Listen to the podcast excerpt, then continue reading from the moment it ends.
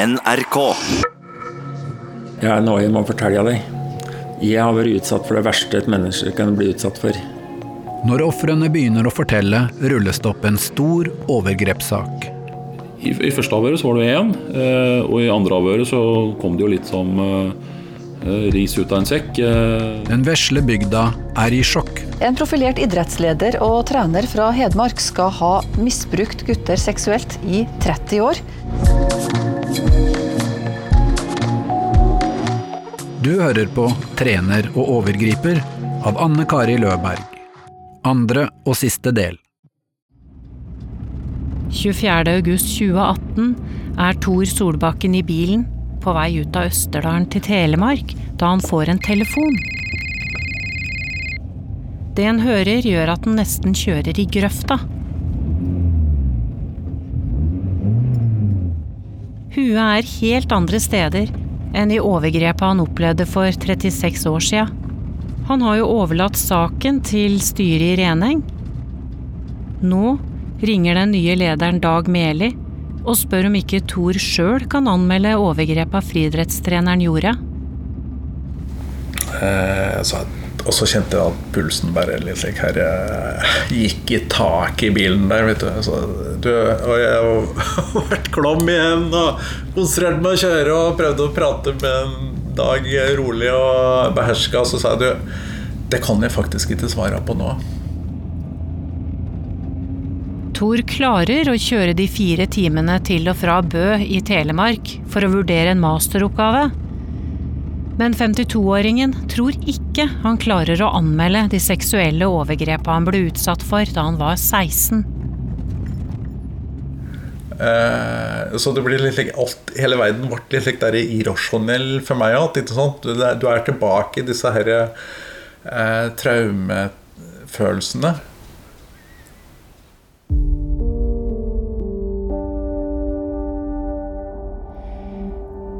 Styret i Reneng er i tvil om hva de skal gjøre.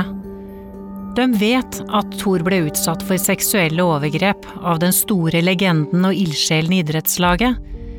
Det har til og med treneren innrømma. Men supertreneren gjør fortsatt en stor innsats for klubben, sjøl om han nærmer seg 80. Vi var litt redd for reaksjon ute blant medlemmene, samtidig som vi var jo klar over det at saken måtte gjøres kjent for politiet. Så hvis ikke Tor eh, ville sjøl eh, anmelde saken, så, måtte, så ville vi i styret komme til å varsle politiet om saken. Vi mente at kanskje Tor, hvis Tor får melde det liksom, og får varsle om det sjøl, at det på en måte er en eh,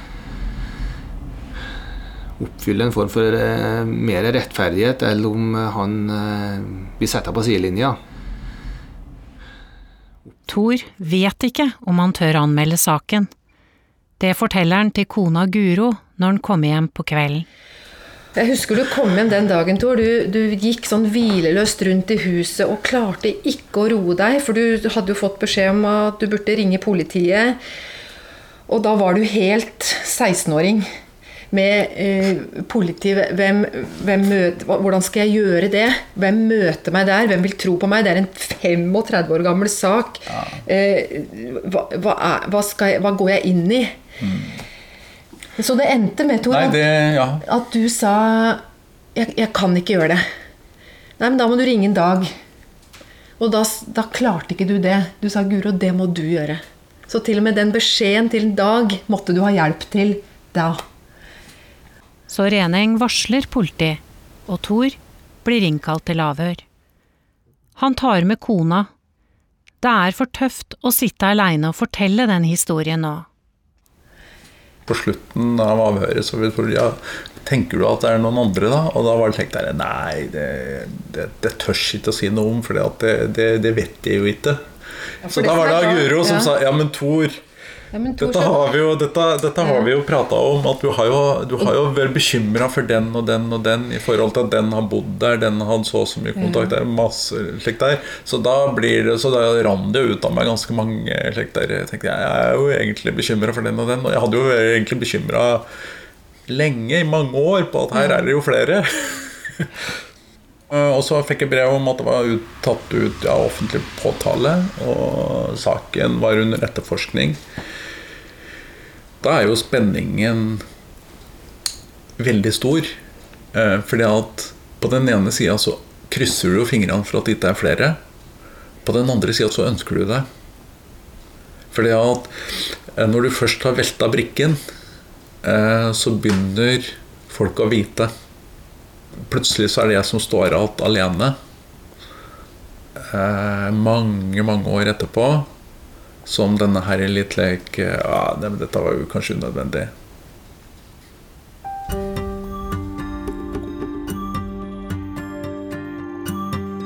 Politiet i Østerdalen vil finne ut om det kan være flere. Eh, hvis man først finner noe i en sak, så finner man ofte mer. Eh, og vi trodde ikke at det forholdet som var beskrevet i anmeldelsen starten av, var det eneste. Erfaringsbasert så er det slik at man eh, forgår seg ofte flere enn én gang hvis man først er i gang.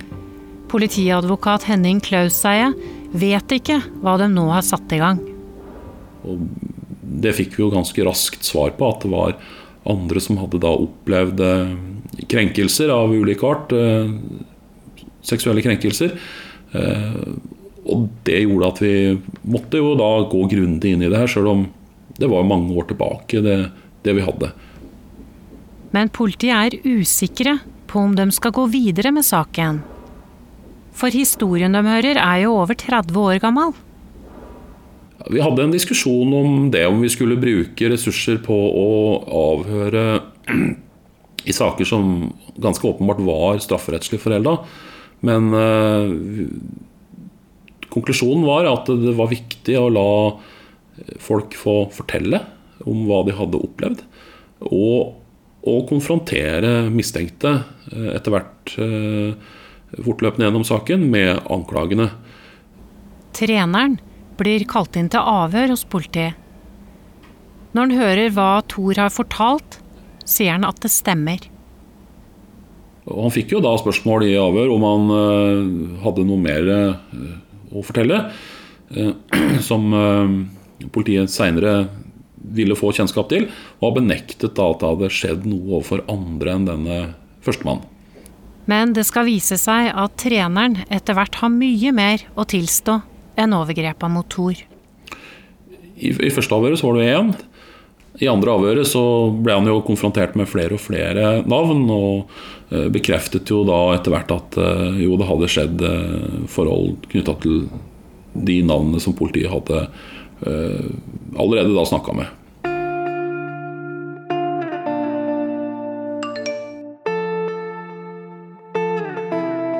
Første november 2018 plinger det inn en tekstmelding til Thor. Og der sto det 'Takk for at du går foran, Thor. Metoo'. Det var slik Yes! Det, var, det, var, jo det, for det, for da, da, står du ikke alene, ikke sant? Meldinga er fra Dag Olav Aase.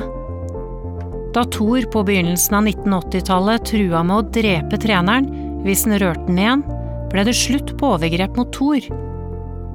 Men da var det Dag Olav som overtok neste etappe. De var på samme alder, og begge var gode løpere for Reneng. Fortsatt mens jeg var 17 for min del, tror jeg, at uh, en sånn massasjeøkt plutselig ble avslutta med et lite dask på pikken som uh, jeg da fikk, og som vi bare lo bort der og da. Han lo litt, og jeg lo litt, og så var det ikke noe mer snakk om det. Men uh, jeg husker jo at det ble planta en liten usikkerhet i, i meg da. Hva, hva var dette, liksom? Det var starten på marerittet for unggutten som blir norsk juniormester på 2000 meter hinder og kvalifiserer seg til VM i terrengløp på midten av 1980-tallet. Flere ganger våkner han på natta av at treneren ligger i senga, og at han driver med kjønnsorganet hans. mens han sjøl fryser til is.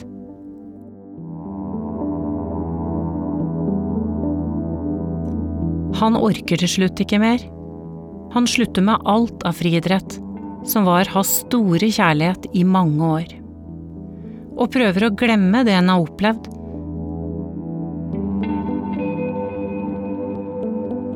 Men når han får en psykisk knekk mange år seinere, kommer det tilbake igjen. Han vil konfrontere treneren, og i 2014 møtes de på Operataket i Oslo.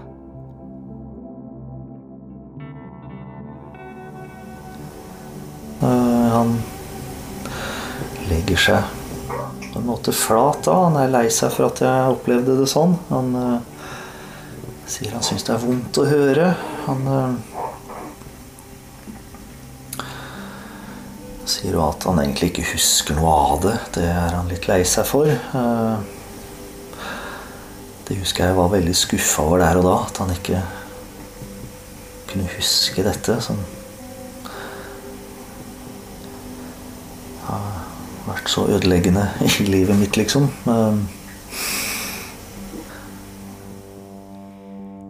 Dag Olav føler han ikke kommer lenger med treneren. Han tror ikke han noen gang får tatt treneren for det han gjorde.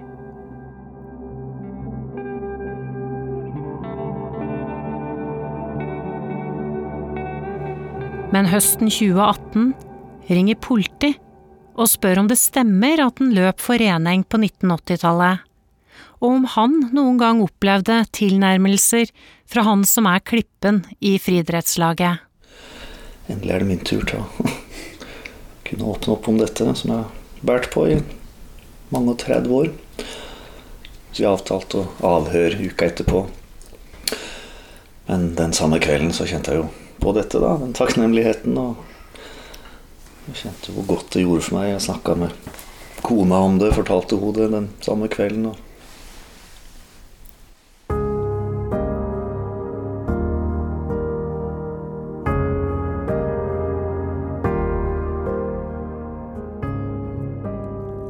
Han er denne høsten ikke aleine om å endelig kunne ta et oppgjør med det som ødela ungdomstida.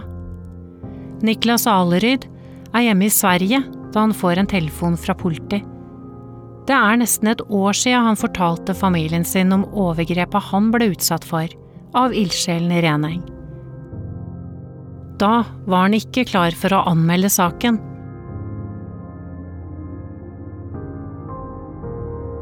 Nå er han klar. Eh, så fort jeg hørte at det var en, en til som hadde eh, vært ute for samme som meg, så bestemte jeg meg ganske fort at eh, ok, da er vi to i hvert fall. Da skal jeg fortelle det jeg har blitt utsatt for. Jeg brøt jo sammen når, når han, han, spurte meg om jeg kunne bekrefte at det hadde vært seksuelle overgrep i Rening. Og, eh, og det kunne jeg jo. Etter politiet har snakka med han, og avtalt avhør får Niklas en overraskende telefon. Det er treneren som ringer. Eh, når han ringte, ringte etter at eh, politiet hadde ringt, eh, og sa det at jeg behøvde ikke å nevne turen til Tyrkia. På begynnelsen av 1990-tallet er Niklas 15 år og av landets beste i sin årsklasse på 2000 meter hinder og 800 meter. Han får tilbud om å dra til Tyrkia med supertreneren. Han og foreldra tror det er flere løpere som skal dit for å trene. Treneren har dratt i forveien, og Niklas tar fly ned aleine for å møte den. Så er det bare dem to som skal være der. En kveld er vi ute og et, eh, og jeg blir eh, kjempedårlig til maten. Eh, jeg et. Og vi kommer med til rommet, og han foreslår at vi skal drikke Tequila. Og etter det så kommer jeg ikke i hodet noen ting. Eh, etter det så er hele den uka Det her er eh, en av de første dagene. Eh, er det, Så den, den uka er helt svart. Men der skjer de første overgrepa. Det har treneren innrømma. Sjøl om uka i Tyrkia er borte for Niklas, husker han mange andre overgrep.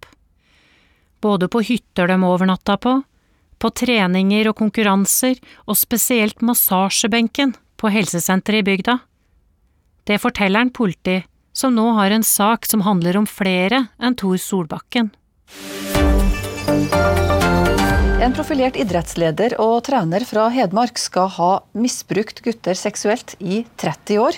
11. januar 2019 kommer nyheten. Til nå er han sikta for ni overgrep, bl.a. for voldtektsforsøk. I Engerdal vet folk fortsatt ikke at treneren det handler om, er ildsjelen i bygda. Det skal også ha skjedd overgrep mot unge enslige asylsøkere, mens mannen var verge for flere av dem. Han har erkjent noen av sakene. Ja, dette er jo forhold som nå har pågått uh, siden tidlig 80-tall. I Sømådalen, langt nord i Østerdalskommunen, sitter Jan Ole Jonsgaard i stua og får med seg nyheten. Avhengighetsforhold. Bare han og treneren vet at overgrepa starta minst ti år tidligere enn de sier i nyhetene. Men han har visst at noe var på gang. Treneren ringte nemlig noen måneder tidligere han sa at Tor Solbakken har anmeldt den for overgrep. Men det var jo så lenge siden, så det, det regnet han med ville bli henlagt. Treneren ber så om noe mer. Men hvis politiet skulle ringe opp meg, så regnet han med at jeg ikke ville fortelle noe om det vi hadde sammen, som han sa til meg. Som det vi hadde sammen. Det vi hadde sammen, var eh, overgrep mange over 100 fra 1973 til 1979. Sjøl om hun nå vet at den ikke var aleine, ringer han ikke politi. Heller ikke når han får med seg nyheten om siktelsen 11. januar. Jeg hadde barnebarna på besøk. Ehm, da gjorde jeg som jeg har gjort så mange ganger før i livet etter at det starta. Jeg flykta. Jeg flykta ut. Jeg sa bare 'jeg må i fjøset'.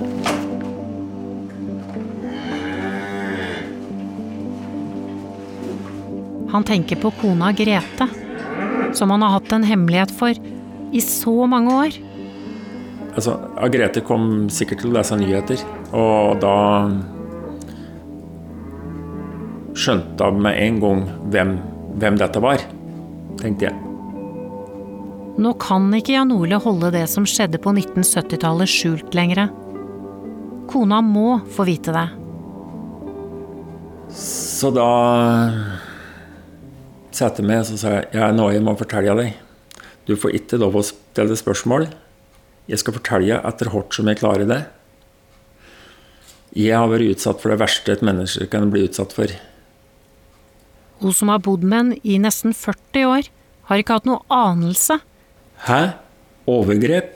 sa Grete. Og skjønner ikke hvem overgriperen kan være. Åkke da? Åkke har gjort det? Da sa jeg navnet til overgriperen for siste gang i mitt liv. Hvem det var.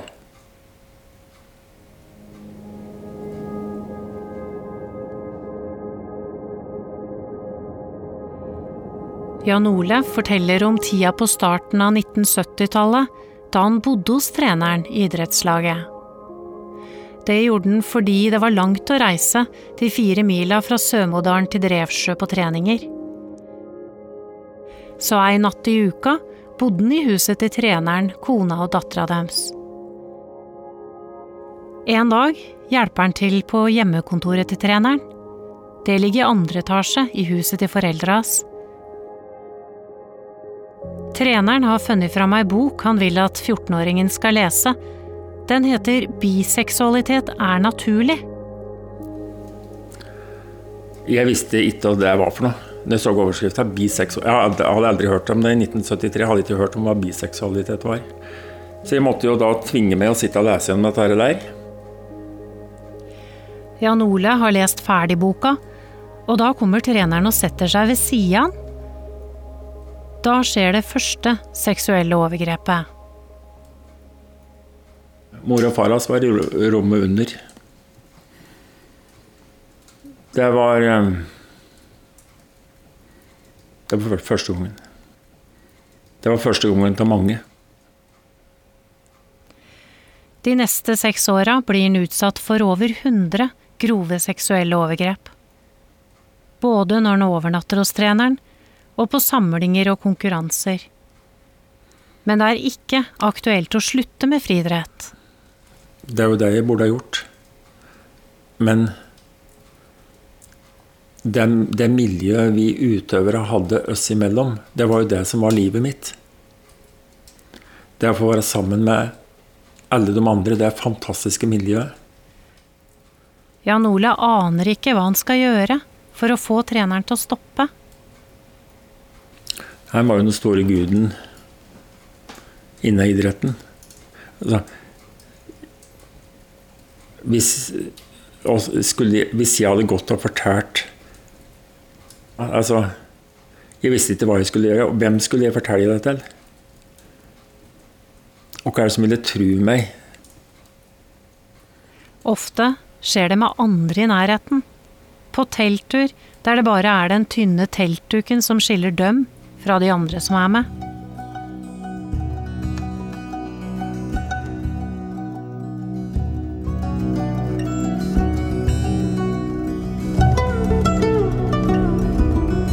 Og en gang i baksetet i en bil på vei fra Sverige. Henda til treneren kommer under pleddet og mot skrittet, mens to kompiser sitter i forsetet i bilen. Jeg satt jo der livredd 14-åring og måtte jo være helt stille. Jeg var jo livredd for at jeg skulle bli oppdaga. Du prata ikke noe om overgrep på 1970-tallet. Altså, hva vil, hva vil mor og far si ja? hvis de hører at, var at det var begått overgrep mot meg? Du, du, var, du, var redd, du var redd for den skammen som det var. Jan Ole lærer seg å koble ut hjernen hver gang overgrepa skjer.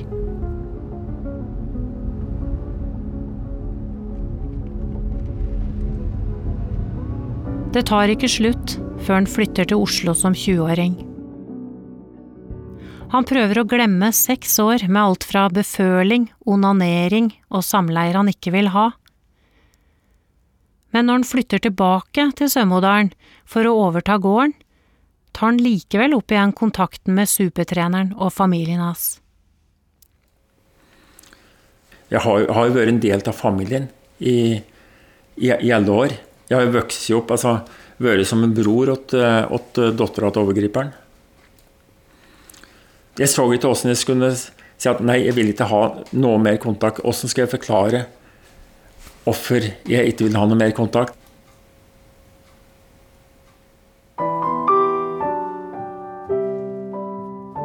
Det tar over 40 år før han snakker høyt om åra med overgrep.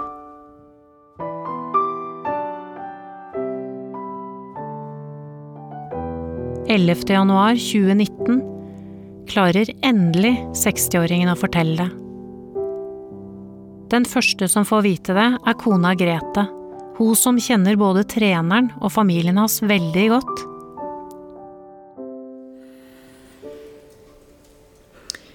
Og så sa jeg at eh, jeg må ringe politiet.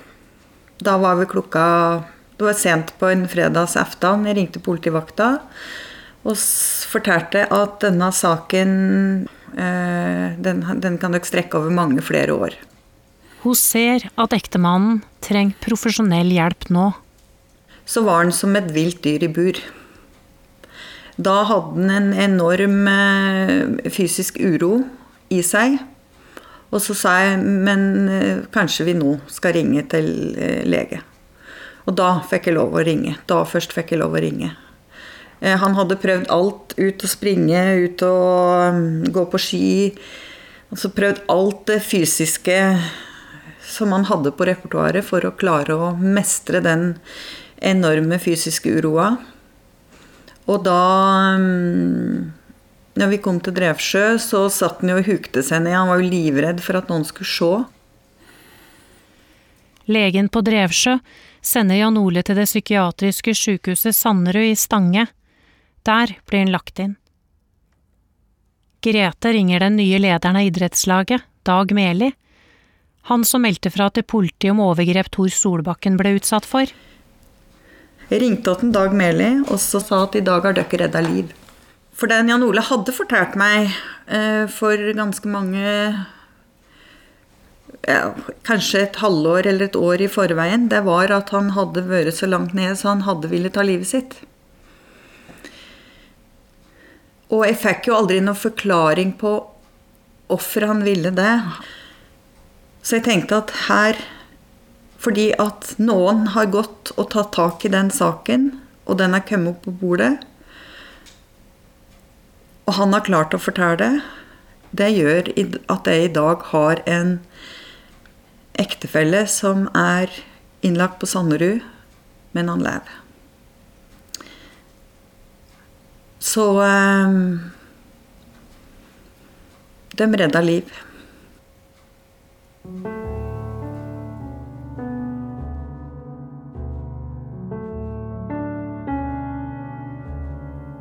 Treneren vil ikke bli intervjua om det de tidligere utøverne forteller. Men i politiavhør erkjenner han overgrep mot åtte unge gutter. De fire som forteller sin historie i denne dokumentaren, er blant dem.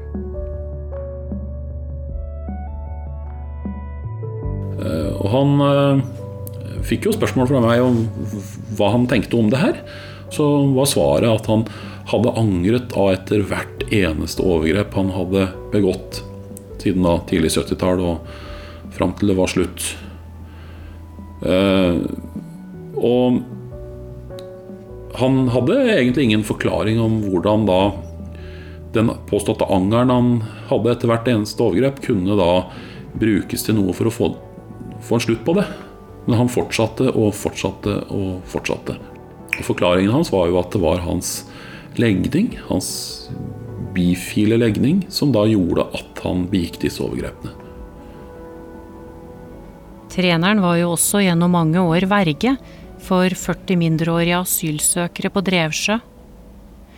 Politiet prøver å finne ut om noen av dem har blitt utsatt for noe. Noen sier at de ikke har opplevd noe eh, gærent.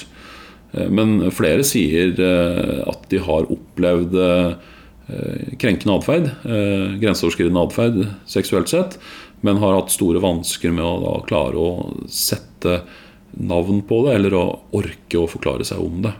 Erfaringen vår er i hvert fall at vi har hatt vansker med å få kaste fullt lys over sakene som vi har hatt mistanke til.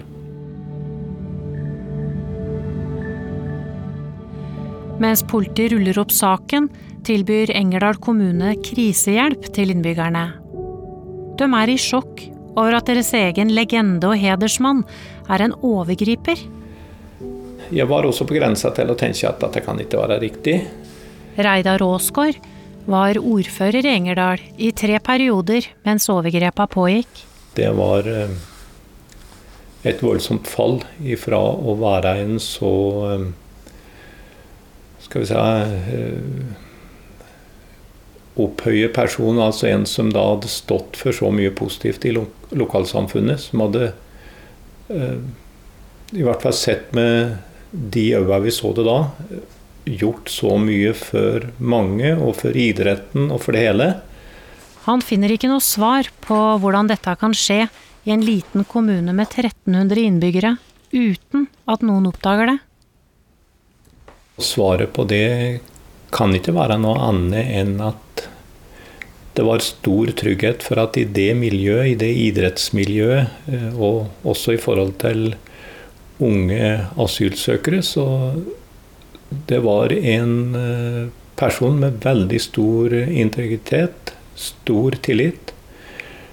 Eh, de som visste, det var de som sto aller svakest i saken hva om noen av ungdommene hadde meddelt noe til foreldre eller tillitsverdige i idretten eller på en eller annen måte, så vil jeg tro at de fort tenkte at ingen ville tro dem.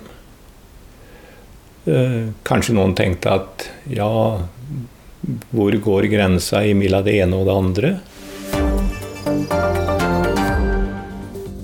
Aktor la i dag ned påstand om ubetinget fengsel i 17 måneder for en profilert idrettsleder fra Hedmark. De fleste overgrepssakene skal være begått mellom 1973 og 2011, og er foreldet. Han ble siktet for flere forhold, men tiltalen ble redusert til å gjelde for ett overgrep. Det gir litt inntrykk når uh, voksne menn uh, sitter og griner i retten. Helge Hartz er bistandsadvokat for ofra når saken kommer opp i Nord-Østerdal tingrett våren 2019. Uh, og beskriver overgrep 40 år tilbake i tid, og, og hva det har gjort med livet deres. Det er klart det er sterke inntrykk. I rettssaken tar treneren på seg ansvaret for det som har skjedd, og beklager at han svikta så mange. Forsvarer Vegard Råløkken forteller at det er en tøff dag for treneren. Nei, han uh, har sett fram til i dag for å komme seg videre. Han uh, er også plaga av saken. Siden de fleste av overgrepa treneren har erkjent er forelda, blir han bare dømt for ett overgrep han gjorde mot en unggutt i 2011, da treneren var 71 år. Han blir også dømt for å ha prøvd å få Jan Ole og Niklas til å ikke forklare seg for politi. Dommen er ett år og to måneder i fengsel. Den representerer òg en oppreisning og en rettferdighet i forhold til alle dem som har fortalt, og som har anmeldt, og dem som har erfaringer av upassende atferd eller overgrep som ikke har anmeldt. Høsten 2019 blir treneren sletta som mottaker av Kongens fortjenestemedalje, og æresmedlemskapet i Hedmark idrettskrets blir fjerna.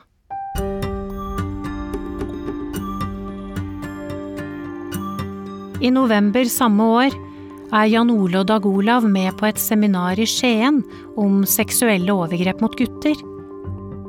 Der møter de sitt store forbilde, den svenske høydehopperen Patrik Sjøberg.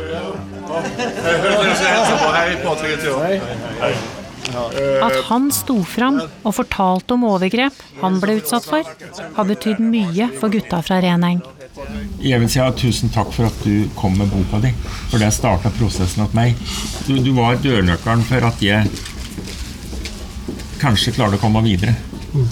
Altså, Første tanke var oi, her er det en som har levd ak under akkurat samme forholdene som, som jeg har gjort. Så, så det, var, det, det, var, veldig godt å få, å, å få møte deg her nå.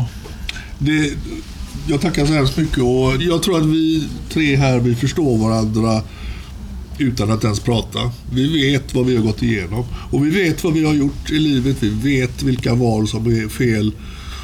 Og det er bare tråkig at vi har kommit på det alldeles för sent i livet. Eh, jag tycker ni är jättemodiga. Jag kräver inte att alla ska gå ut och berätta. Det är, det är fritt val. Men när man väl har tagit det första steget, då är det väldigt viktigt att fortsätta prata. Så länge vi inte pratar om det, då får de agera och då är de är rovdjur, de är ute efter barn och där barn finns, där hittar vi de här männen. Det er et sterkt lag som settes sammen når den mørke historia til idrettslaget kommer ut. Galgenhumor er en del av fellesskapet. Så etter vi var liksom åpna i avis Det kom i avisen. Så var det litt lekt der Jeg tror vi på en måte er snart så vi kan stille et, eh, et lag i Holmenkollen. ja. Det er ikke deilig å se at det blir mange, at det var mange Nei. som Men det er at en kan klare å fleipe litt med det, faktisk. Ja, det er ikke skal man kunne gjøre. Med. Og jeg kom jo inn som sistemann Mm. på stafettlaget. Sjarmøren. Eh, da var det ikke et etablert lag som jeg trengte en til. nei, nei, ja. men, eh, men da, var, da hadde dere etablert kontakt. Og De kom i mål til slutt. Og ble trodd på det nesten ingen trodde var mulig.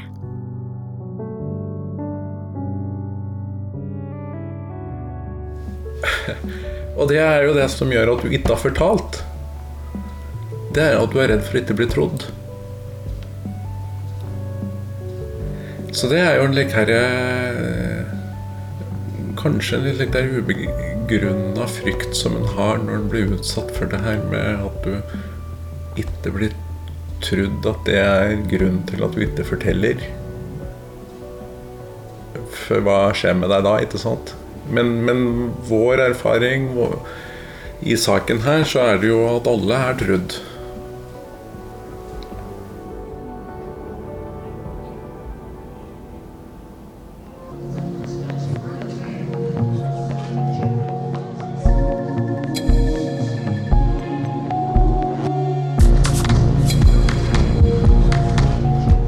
Har hørt hele historien 'Trener og overgriper' av Anne Kari Løberg.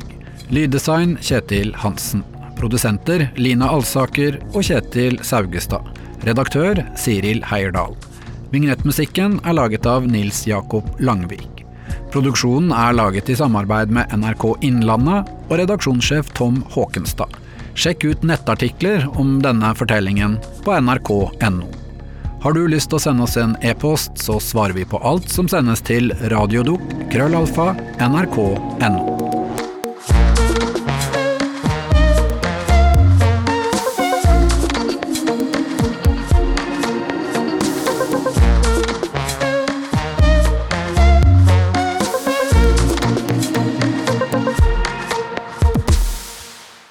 Hei, jeg heter Vebjørn S. Espeland og har laga P3-dokumentarserien Gåten Keiko. Om verdens mest berømte hval, Hollywood-stjerna fra Free Willy, som endte sine dager ved ei gravrøys på Nordmøre. Eller gjorde han egentlig det? Hør Gåten Keiko i appen NRK Radio. NRK.